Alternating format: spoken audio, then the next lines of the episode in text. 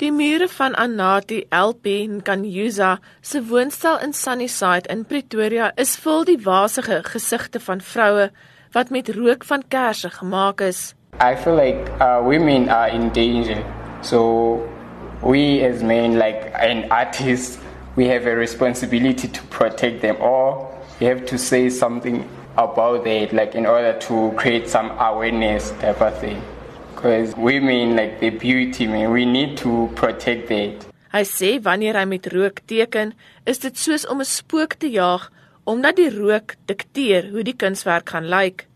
Hy hou die papier bo sy kop en gebruik die kers van onder af soos 'n kwas. Dit het hom maande geneem om die tegniek baas te raak sodat hy nie gate in sy kunswerke brand nie. I'm learning a new thing every day because every time I do smoke art, I always realize that my current piece looks better than my previous one.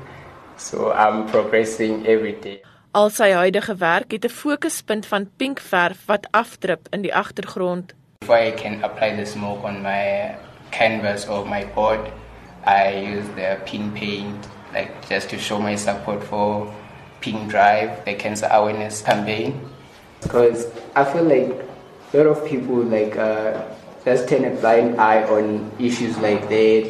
There's like a lot of issues that we are faced with, but some of them, some people don't. They just take them lightly. En kan Yusa sê hy het per ongeluk op die medium afgekom terwyl hy op soek was na 'n alternatiewe manier om kuns te maak. I just found it like uh, interesting, like due to the fact that with other mediums you are sort of in control, like with your oil, your acrylic, and uh, pencil, you are in control of everything. But with this one, you just have to manipulate it. So I like that because you never know what to expect. You just find yourself getting there. Hy het nog nooit formele kunsopleiding gehad nie, maar het van kleins af geteken. Toe hy klaar is met skool, het hy siviele ingenieurswese in Pretoria begin studeer.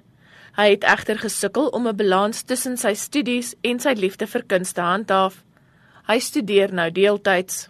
Most people always ask me like why didn't you choose art instead because you have passion for it and stuff. So back where I'm from, I didn't have opportunities that I'm having right now. And if I had them, trust me, I would have opted for art.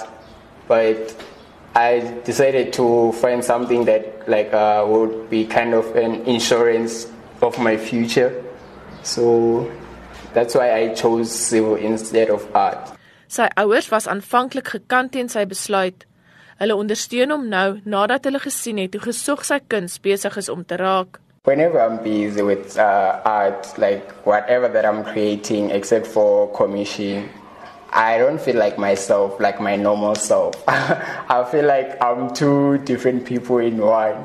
Because it's like this different person who takes over the normal LP. Sy droom is om eendag sy eie kunsgalery te besit. Lila Magnus, SAIK nuus in Pretoria.